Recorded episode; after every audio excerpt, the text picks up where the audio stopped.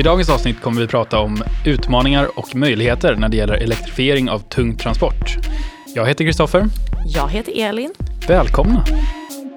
Kraftsamtal, podden som ger dig kunskap och inblick i tekniken som behövs för att möta en av vår tids största utmaningar, den gröna energiomställningen.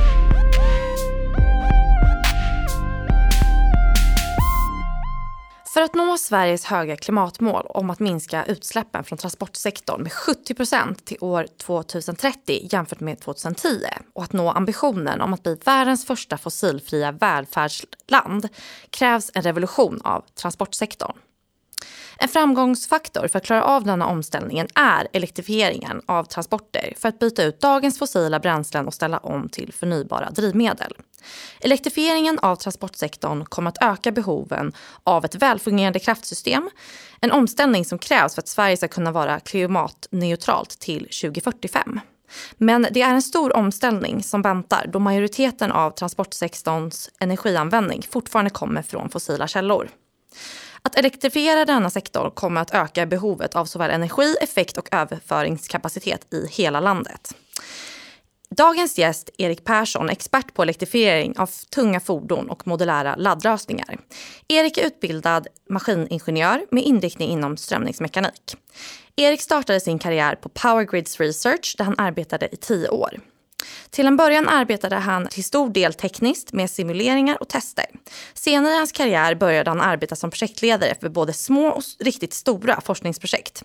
Idag är Erik ansvarig för transport och infrastruktursegmentet samt ansvarar för det digitala segmentet. När Erik inte är på jobbet så avnjuter han en god kopp kaffe och har ett starkt intresse för ljudutrustning och motorsport. I dagens avsnitt kommer vi prata om utmaningarna och möjligheterna av att elektrifiera tung transport. Välkommen hit Erik. Ja, men tack Kristoffer. Erik, som, som, som vi nämnde här i introduktionen så är ju du expert inom det här området. Så jag tänker att vi, om vi börjar med en ganska generell fråga. Vad skulle du säga är de största utmaningarna med omställningen till en elektrifierad eh, transportflotta för framförallt då tunga fordon? Ja, om vi tittar först då ur ett perspektiv från de som ställer om, de som genomgår den här transformationen, så är man vana att köra på flytande drivmedel, om de så är fossila eller förnybara. Men att ställa om och köra på elektrisk energi och helt enkelt ladda batterier istället för att fylla på någonting som finns att köpa och, och som man kan lagra under en längre tid gör det väldigt utmanande för det kräver ett nytt sätt att tänka. Sen har vi ju i och med omställningen också att vi vill ju ladda våra batterier med förnybar energi. Och ju mer förnybar energi vi får in i vårt energisystem desto större, så att säga, desto mer kraft behöver vi lägga på att styra och automatisera våra elnät. Och, och samtidigt då så får vi in en helt ny typ utav höga effekter som kommer att tas ut på olika platser när man då vill ladda sina fordon väldigt snabbt. Och hela den här dynamiken då får göra att elnäten ställs inför för nya utmaningar där vi måste öka graden utav automation och även eh, digitaliseringen. Mm. Och sen till det vet vi ju om också att vi har utmaningar i våra elsystem sen, sen tidigare då framförallt där vi har effektkapacitetsbrist på olika platser i, i landet. Just det, det låter som ett väldigt eh, komplext system med många involverade. Men eh, hur bör man egentligen tänka egentligen som, som kund då, när, när det gäller elektrifieringen av fordonsflottor? Hur, alltså, hur laddar man dem egentligen och, och hur kör man dem? Ja, när vi pratar om kommersiella flottor så, så går ju de i, så, så, mycket som det bara går. Va? Har man ett arbetspass på åtta timmar så ska ju fordonet gå i åtta timmar. Eh, och ibland är de ju, kör man ju flera skift också. Men när det handlar om professionella flottor så får de inte stå stilla till skillnad från om vi kanske åker vanlig personbilstransport. Då. Och vi måste tänka kring hur vi utnyttjar både batterierna i, i de här fordonen samtidigt som hur vi måste tänka på hur vi nyttjar då laddinfrastrukturen som vi investerar i. Och det man hela tiden tittar på det är egentligen totalkostnaden över livstiden på ett fordon. Den kostnaden måste man få inom så att säga, rationella mått eh, på, på, ett, på ett rimligt plan då. Och då blir nyttjandegraden väldigt viktig. Mm. Och nyttjandegraden den tar ju egentligen om hur mycket energi hinner vi cykla genom ett batteri under dess livstid? Eller hur mycket energi hinner vi cykla genom en laddare under dess livstid? Och här vill vi ju då ha en så hög nyttjandegrad som möjligt. Och om du då tänker, hur, hur kan man då säkerställa att en, ett, en laddinfrastruktur har en hög nyttjandegrad? Dels så handlar det om ett, nyttjande, om man tittar på de, de, som investerar i den här infrastrukturen bör titta på hur man ska använda sina fordon. Och har man kanske inte tillräckligt högt nyttjande så kan man titta på hur, hur kan man samnyttja den här investeringen. Det kan vara som så att det är flera som kan nyttja eh, laddinfrastrukturen laddinfrastrukturen, inte bara e-, ett enda företag om vi tittar på det. Och kommer det då, hur ser du då, hur tänker du att framtiden ser ut kring en så kallad då samägd laddinfrastruktur? Men det kan vara som så att det, det, kan finnas någon större aktör som investerar i laddinfrastrukturen för, för deras professionella flotta men samtidigt då säljer laddning vidare till exempelvis ett närliggande taxibolag eller någon annan flotta som, som, kan, som kanske inte har samma behov men man, man säljer själva överkapaciteten som man har. Just det. Och då är det ju kommersiella spelare vi pratar om där. Eh, är det också, finns det också tankar på att ta in privata kunder, eh, alltså det vill säga allmänheten? Eh, och vad är det egentligen som skiljer kommersiella användare och, och en, en, mer allmän användare? Tittar vi på just eh, kommersiella flottor så är det just tillgängligheten. När vi förväntar oss att en, en leverans ska komma fram en viss tid så så är det oftast förknippat också med att det kostar om den inte kommer fram den tidpunkten. Mm. Och det innebär att allting i hela systemet måste ha en hög tillgänglighet. Och tittar vi på utrustning som vi levererar då så har den ju industriell standard. Eh, det är lång livstid, det är höga eh, mean time between failure. Om vi tittar på eh, felfrekvenser så, så är de extremt låga. Mm. Och tittar vi på just då om vi tar den privata trafiken så, så är ju inte den lika beroende av den höga tillgängligheten. Men tillbaka till din fråga Kristoffer så kan man ju så att säga sälja då slottider som man inte nyttjar. Om man driver en kommersiell flotta så kan man sälja den då till privata personer.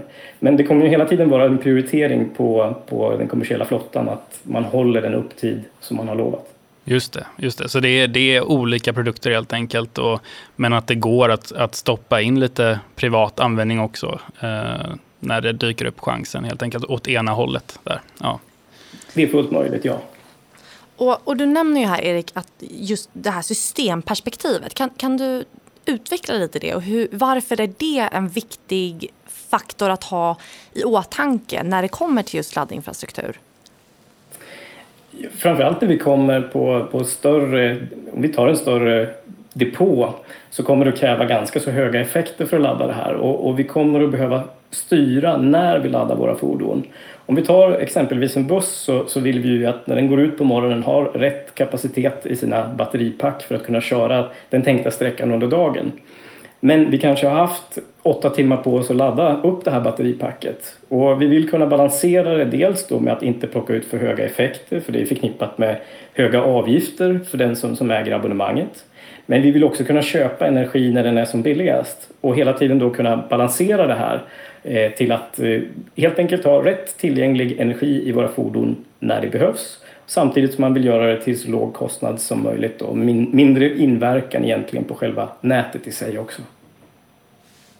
Och eh, jag tänker, det här är ju eh, en utmaning som inte bara är i, in, inom Sverige, även om vi har väldigt höga klimatmål här. Utan jag tänker, EU har ju också satt väldigt höga mål att man ska eh, att man, hur man vill eh, minska just transportsektorns ehm, ehm, eh, eh, koldioxidutsläpp eftersom att det, det, är en stor andel av våra koldioxidutsläpp koldioxidutsläpp idag. Men jag tänker, fin, fin, du, finns det något incitament eller en sån här typ av eh, systemlösning idag som vi har sett på marknaden? Där man just har de här, eh, alla de här eh, inputsen som du pratar om och just säkerställer att man faktiskt har den här modulära systemlösningen? Ja, vi från Itachi vi, vi har ju tagit fram just den typen av skalbara lösning. Om vi tittar på den lösning som vi erbjuder så har vi egentligen en, en central enhet som är en omvandlingsstation. Vi omvandlar växelström till likström och det är den stora delen för att den biten har ju sett likadan ut de senaste 50 åren och kommer se nästan likadan ut de 50 kommande åren. Och sen det som kommer att skilja då det är ju olika laddinterface och egentligen då vilken effekt i slutändan som man, man behöver då. Och det gäller då att tänka efter egentligen när man planerar upp för sin fordonsflotta. Vad, hur, vad, är, vad är egentligen slutspelet? Vad, vad är, mm. Hur ser det ut när alla fordon är elektrifierade?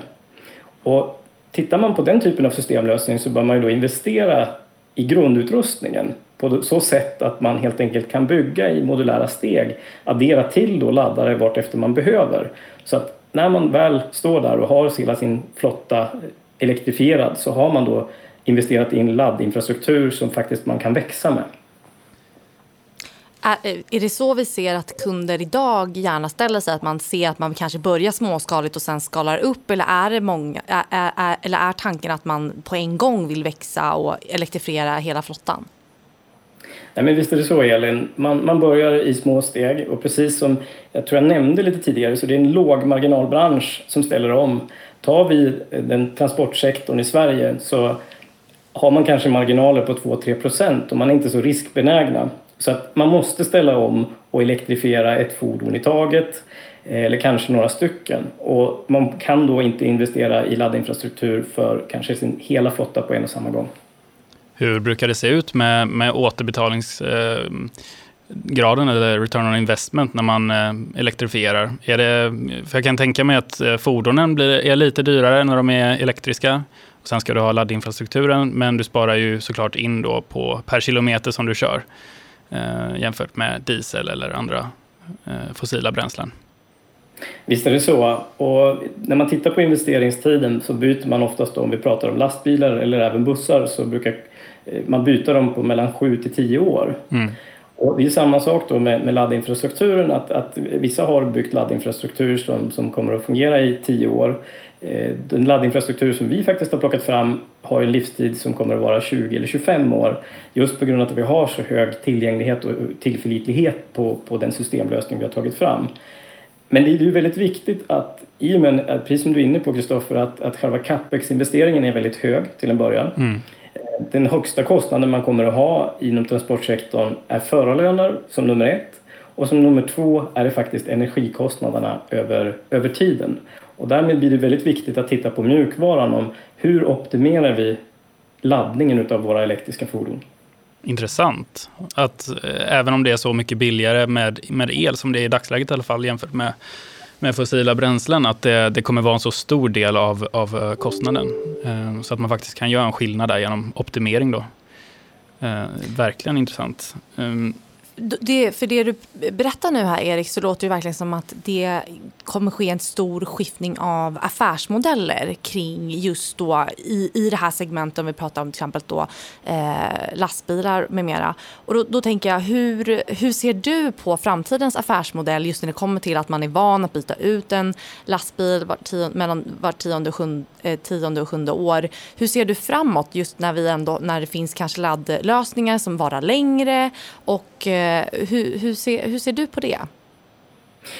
Det du är inne på Elin är helt det vi börjar på att se. Det är att nya typer av affärsmodeller där man ser eh, transport som en service eller i vårt fall då laddning som en service eller kraft som en service. Någonting som kommer att, att bli allt mer aktuellt. Och det beror ju också mycket på att vi kommer tillbaka till den här riskviljan och risken som man ser med att investera i ny teknik för det är ändå ny teknik för transportbranschen som ställer om. Man känner till diesel och man känner till fossildrivna fordon, man har full koll på dem. Och så ställer man om till elektriska så man inte vet egentligen vilket restvärde kommer det här fordonet ha om 5, 6, 7 år. Just för att tekniken går framåt så snabbt.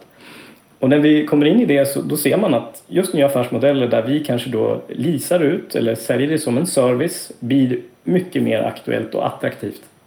Mm.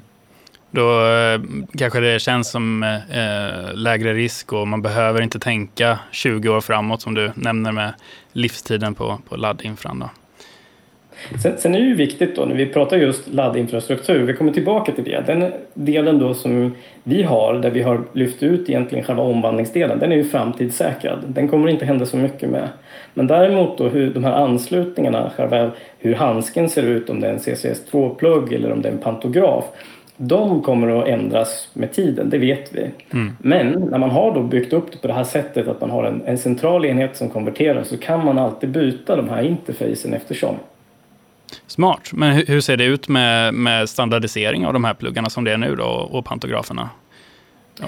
ja. det finns en standard som man följer och mm. den följer också lastbilstillverkare och busstillverkare.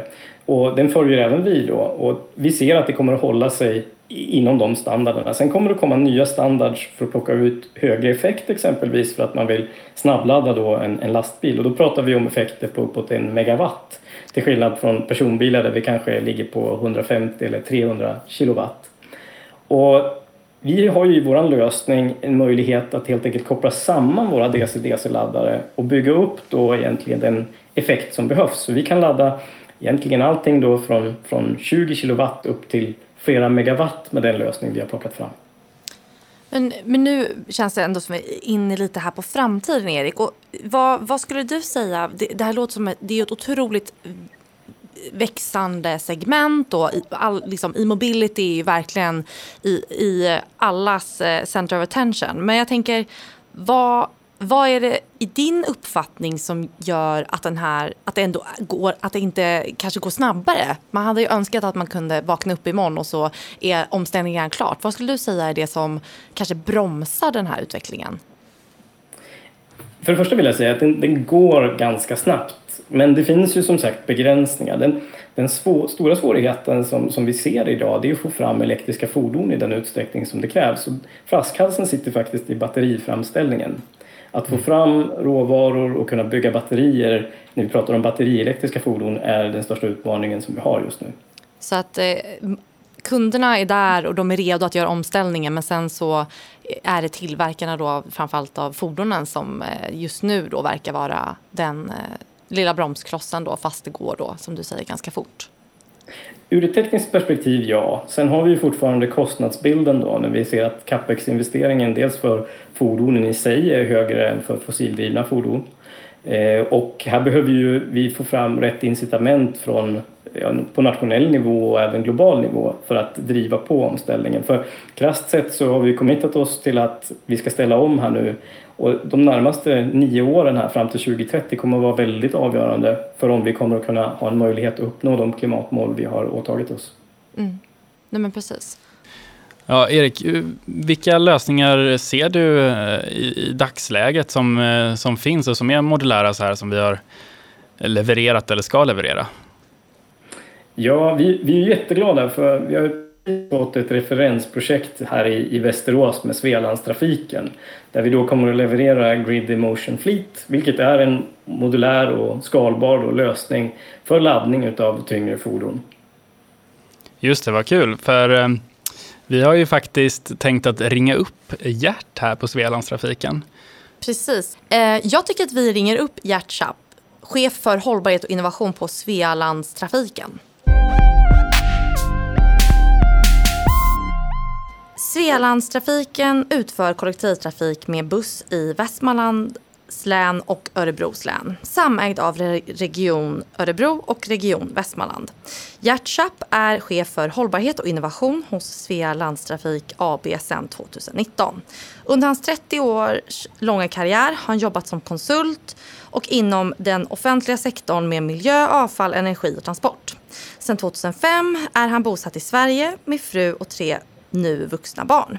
I hans nuvarande jobb arbetar han mycket med strategi för elektrifiering av Svealandstrafikens busspark som nu börjar med en elbussflotta från depån i Västerås. Välkommen Gert! Tack. Kul att ha dig här. Ja. Eh, hur står det till? Jo, det är full fart så uh, vi håller på med uh, som sagt uh, elektrifiering av vårt depå här i Västerås och det ska vara klart i slutet av året cirka. Gud vad kul. Då förstår vi att det är fullt upp. Eh, ja men Gert, vi, vi vill ringa upp det här för vi har precis fått höra att eh, vi, ska ha, vi kommer ha ett referensprojekt här i Västerås. Så kan inte du berätta lite om hur ni har ställt om till att bli en koldioxidfri flotta? Jo, vi började väl redan uh, länge sedan, i 2004, så startade vi med biogasbussar i Västerås och det har man eh, stegvis byggt ut i hela Västerås men sen också i alla andra depåerna i Västmanland. Och eh, i 2019 när vi tog över trafiken i Örebro och eh, Odensbacken så, så öppnade vi också biogas för alla bussar i de två områdena. Och det har varit en framgångssaga men det är alltid lite svårt att göra en drivmedelsbyte naturligtvis i början. Men nu fungerar allt som det ska. Men nu står vi framför den nästa drivmedelsskifte naturligtvis till el och utsläppsfri transport. Vad spännande. Då har ni redan gjort ett skifte och så, så ni vet eh, vad det innebär lite. Eh, ja, vi är redan till. helt eh, fossilfritt och eh, förnyelsebar på hela vårt flotta och det har vi varit för många år. Så det, mm. det är kul, men nu ska vi ta nästa steget. Väldigt kul att höra att ni har legat så i framkant också då med, med biogasen först. vad, vad, är det som eh, leder in på att eh, elektrifiera istället för att köra, fortsätta köra med biogas som det är nu då? Ja, man kan säga att det, det, det ger extra fördelar utöver de fördelarna som biogas har eh, med regional lokal försörjning av biogas till exempel. Men med elbussar så kan man även minska ljudnivån men också utsläpp mitt i stan till exempel så det kan ge bättre förutsättningar i de urbana miljöer. Och det är också en högre energieffektivitet i de bussarna så ja, det är också därför vi ska ställa om steg för steg, men inte allt i en gång. Så det... Riktigt smart. Hur, hur har det gått till nu då när ni har eh, handlat upp det här och, och liksom vad har varit viktigt för er i specifikationerna? Jag hör lite om eh, lägre ljudnivå och så vidare, men, men om man tänker just för laddlösningen när man elektrifierar. Ehm, hur har ni tänkt där? Ja, så vi har väl haft ett, ehm, ett första elbuss i 2014 och från Solaris och sen några minibussar eh, som också kör i Västerås stad.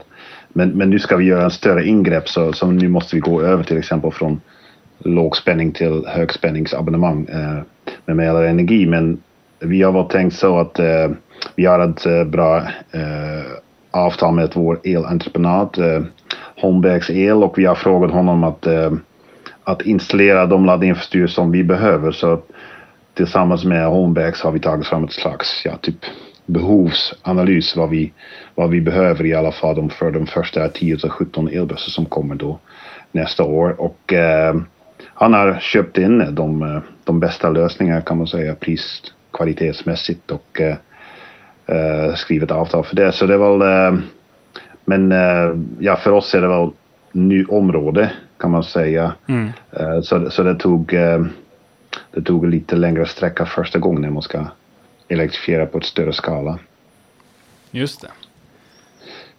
Men man kan säga att det, det, det, finns massor av olika lösningar och eh, möjligheter men vi har valt att, eh, att i första hand satsa på depåladdade bussar. Så bussar som laddar mitt eh, i vårt eh, bussdepå, särskilt nattetid. Mm. Istället för att man ska ladda bussarna på N12-platserna i Västerås eller andra städer. Och vi ser väl att det, det, är typ mer enligt vårt vanliga process med tankning av bussar på våra bussdepåer så det, det passar bättre in i vår primära process. Men det, det ger också mycket mindre risker för uh, typ uh, fel ute i stan eller händelser som kan leda till att vi inte kan nå en snabbladdare mitt i stan på en antal plats eller när man byter platser. Denna typ av praktiska problem väger tungt. Um, mm. Men dessutom har, dessutom har vi också tittat på kostnadsläget och uh, där tyckte vi också att att med eh, laddinfrastruktur på bussdepån det ser bättre ut från ett ekonomiskt perspektiv också. Mm. För... Vi ser ju också det att eh, om vi tittar på egentligen energikapaciteten som vi kan bära med oss då ökar ju eh, eller egentligen energidensiteten i batterierna går upp och samtidigt så går också batteripriserna ner. Och, och hur ser du på det Gert om vi tittar på den typen av när vi kan bära med oss mer energi då kontra att, att gå på snabbladdning? Ut efter linjen? Ja, men jag, vi, vi har gjort en, en, en bred eh, omvärldsbevakningsanalys när vi skrev vårt eh, elektrifieringsstrategi eh, i 2019 och eh, pratade med alla leverantörer och eh, fordonstillverkare men också med andra kollektivtrafikförvaltningen och vi ser väl att eh, depåladdning är det primära alternativet som, som man väljer. Eh, om det nu är möjligt eh, med den räckvidd som bussarna har. Och räckvidden av bussarna det går väl eh, upp lika, på ett likadant sätt som, som för elbilar eh, genom tiden. Men eh, det pratas mycket om olika nya batteritekniker och eh, vi ska väl se när de installeras i de bussarna som vi får Och eh, till exempel i de bussarna som vi ska köra från Volvo, eh, de bussarna har ett större batteri än de bussarna som de har levererat hittills. Så de bussarna blir ett ny generation batterimässigt kan man säga. Så, så där ser man redan att vi ligger fram i teknikutvecklingen med batteristorleken på bussarna. Um, ehm, men det, det händer jättemånga spännande grejer med batterier i bussar och uh, vanliga andra fordon också. Um, men jag, jag, ser det också som en, ett, ett eh, steg i, uh, i utvecklingen av hela typ elbuss eller elfordonsupplägget att man, att man går till mer större, större kapacitet i batterierna för fordon. Um, man kan, det, det, är lite så samma sak så att ja, men om man nu kan få den kapacitet varför skulle man då riskera att måste ladda många gånger mitt under dagen så det var lite samma sak som, som, som man ser också med privatbilister att de också väljer ett större batteri än de egentligen behöver kanske men folk vill inte ladda har risken att de ska ladda massor av gånger på, mitt på dagen. Mm. Nu, ska vi inte göra, nu, nu, är vi inte i samma läge som privatbilister så vi har väl gjort en ekonomisk kalkyl men vi ser väl att eh, det ser bra ut med de, den kapacitet som vi kan få nu i elbussarnas eh, räckvidd. Mm. För, för du nämnde Gert att eh, ni har köpt eh, Eh, elbussar från Volvo. Och mm. eh, vad, vad, tänker ni? Tänker ni också eh, att er flotta då växer successivt? Jag pratade lite om det tidigare, just att många väljer att kanske börja elektrifiera en del av fordonsflottan. Eller hur resonerar ni? Hur har ni resonerat kring, kring det nu när ni faktiskt tar steget in och elektrifierar flottan? Ja, men det var en eh, planeringsmässig fråga egentligen. Så vi, vi ersätter bussar när de är avskrivna. Så, så vi har inga inga vi, vi kör bussarna i egen regi hos Svealandstrafiken så, så vi har inga fasta trafikavtalsbyten var, var åttonde eller tionde år. Så, så vi skriver av våra bussar och sen när de är avskrivna köper vi nya. Så det är ett, eh, ett antal bussar varje år som ska ersättas med nya bussar och eh, då måste vi upphandla i den takt som vi ersätter gamla bussar. Och om vi nu om man tittar då på frågan ska vi köpa elbussar eller biogasbussar framöver. Det, det är väl, ehm, det, så kan man säga att det där fördelen med elbussar som sagt utöver de, biogas, de fördelarna som biogasbussar har. Eh, räckvidd är väl den, den sista barriär som elbussarna ska lösa då framöver för de extremt långa omlopp som våra bussarna ibland kör. Um, så, så vi ska väl säga att vi uh, elektrifierar i den mån som det är möjligt. Så om vi om vi kan köpa bättre elbussarna med längre räckvidd så går omställningen snabbare kanske.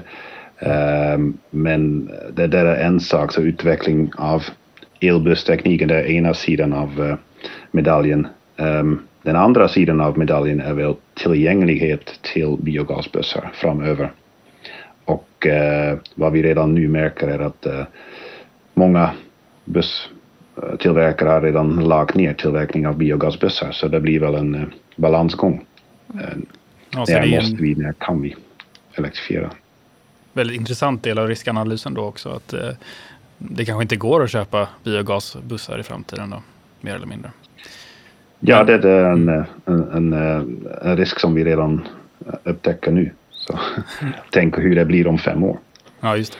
Eh, men då tolkar jag det som att ni, ni, eh, ni ersätter eh, löpande helt enkelt och, och går mot elektrifiering. Och blir det så då också med, med den här laddlösningen som, som ni köper in här nu då, att den växer med tiden eller är det lika bra att, att bygga ut den stort med en gång? Ja, så, så laddlös, ja, den laddlösning som vi installerar, låter installera här i Västerås, det är väl ett, eh, ett speciellt läge för att eh, um, vår bussdepå Uh, har en begränsad livstid så vi hyr depån från kommunen och uh, vi har inte klarhet om hur länge vi kan vara kvar. Um, så någon gång under uh, typ nästa tio år kanske eller så, då måste vi flytta till ett nytt depå. Så vi kan inte investera jättestort i elektrifieringen här i Västerås. Så därför har vi valt ett, eh, ett upplägg som är eh, modulärt och lätt att flytta till, till en annan läge. Och eh, eh den lösning som vi nu, nu får från Hitachi då, den, den är typ installerad i en stor container så det gör det mycket lättare att flytta grejer. Um, men um, för andra depåerna, det, det ska vi väl säga hur vi gör det, men eh, det, det, måste gå i takt med den antal elbussar som vi får på ett nytt depå. Så på, på varje depå. Så det, det blir kanske också väldigt uh, eh, samma sak, en modulär lösning som man kan uh, utöka uh, gradvis. Så. Och eh, där, där har vi också tittat på tidigare att det, det måste vara möjligt till exempel att eh, bygga satellitcontainrar eh, med laddlösning för eh, ett, ett till antal bussar till exempel. Ja, intressant. Gert, hur ser ni på integrationen av energilager när det kommer till laddsystem och hela elektrifieringsbiten utav, av den tunga kommersiella trafiken? Jo, energilager är ett, ett bra instrument för att eh, trycka ner eh, eleffekt, abonnemangskostnader som vi har och eh, påfrestningar på hela elnätet kring våra depåer. Så därför ser vi det också som ett, eh, ett bra sätt att eh, minska vårt eh, behov av el på elnätet omkring oss men också kanske att producera lokal förnyelsebar el på våra depåer med solceller och sånt så att man kan lagra sitt eget el och skapa ett, ett hållbart stadsdel på sånt sätt. Superspännande. Stort tack till dig Gert och tack för att du tog dig tid att vara med i podden och svara på våra frågor. Och stort lycka till mot, eh, för er att ställa om till en mer elektrifierad eh, fordonsflotta. Verkligen. Jag ser fram emot att testa bussarna. Jag med. Ja, tack så mycket. Vi hörs Gert. Okej, okay. hej då. Hej. Hej. Ja, men det där låter ju som en superspännande resa som eh, Svea Landstrafik står inför. Absolut. Det låter som att de har eh, fått ha ett case som, som passar ganska bra ihop med, med det som eh, levereras också. Så att, väldigt kul, får man säga. Ehm, Erik, har du några, några fler ehm, eh, tillägg egentligen till diskussionen här nu som, som du tycker att vi borde ehm, ta upp här? Jag tycker det som Gert lyfter här med, med hela systemet eh, när vi pratar om hur man bör titta på det. Så det är ett annat typ av systemtänk när vi ska börja ladda våra fordon med elektrisk energi. Allting från att plocka in då batterienergilager i systemen just för att man vill se att man vill kunna hålla då effekterna som man plockar ur nätet på en rimlig nivå till att man plockar in solpaneler exempelvis för att kunna ladda sina batterier med förnybar energi det är en jättespännande elektrifierad framtid som vi står inför. Och det, det ledde mig utsökt in på vår avslutande fråga här, Erik. Och det är, vad är den viktigaste faktorn för att vi ska kunna ställa om till ett fossilfritt energisystem, tycker du? Samverkan. Samverkan mellan det privata, mellan det offentliga och eh, att det finns rätt så att säga både morötter och pekpinnar för att få det här att hända. Vi har återigen inte lång tid på oss för att lyckas ställa om om vi ska nå uppnå de här klimatmålen och då måste man kunna gå in och, och, och, peka på att här finns det antingen morötter eller pekpinnar på hur vi ska göra för att få det här att hända. Så att en samverkan, eh, en bred samverkan. Snyggt. Jätte jättestort tack till dig Erik som har medverkat i dagens avsnitt. Tack så mycket. Ja men Kristoffer, vilke, vilket otroligt eh, späckat avsnitt vi precis har haft här. Eller hur? Det var nästan svårt att hänga med tyckte jag själv. Ja, nej men eh, så mycket information ihopkokat eh, på ett kondenserat och väldigt eh, specifikt sätt. Kredd till gästerna, helt klart. Verkligen. Men Kristoffer, vad är det du tar med dig efter dagens avsnitt? Alltså det är väldigt intressant hur komplext hela det här systemet är eh, och, och, hela processen till att elektrifiera fordonsflottan. Så att jag tyckte att det var väldigt intressant, speciellt med det här att man måste tänka ur ett långt perspektiv och, och även hur, hur man tar sig dit helt enkelt med, med att stegra upp modulärt helt enkelt mot, eh, eh mot elektrifiering, eh, skulle jag säga. Um, det var någonting som jag, som fastnade lite extra. Uh, hur var det för dig? Vilket, uh, vad tyckte du var mest uh, ihågkomningsbart? Vad ska man säga? Ja, vad tyckte men... du var mest, vad stack ut mest? Eh, för min del tycker jag verkligen att Erik sätter fingret på det här att hur viktigt det är med samverkan för mm. att vi ska kunna nå de här högt uppsatta klimatmålen som vi har både på Sverige men också eh, globalt. Och det, det är någonting jag verkligen tar med mig och eh, hoppas att även ni gäster gör det och att vi tillsammans behöver åstadkomma väldigt mycket här nu för att vi ska kunna nå våra höga mål här 2030. Det är ju bara nio år kvar. Precis. Eller ännu kortare egentligen om man ska vara helt korrekt. Ja, ja tiden går fort så det är bara att sätta igång. Ja. Eh, stort tack för att ni har lyssnat på dagens avsnitt. Tack så mycket. I eh, nästa avsnitt så gästas vi av Malin Strand från Fossilfritt Sverige. Eh, hon kommer berätta mer om möjligheterna med vätgas och den nationella planen som de har tagit fram för Sverige. Vi kommer även få träffa Göran Nyström från Ovako som kommer berätta mer om deras vätgassatsning. Och det här vill ni verkligen inte missa.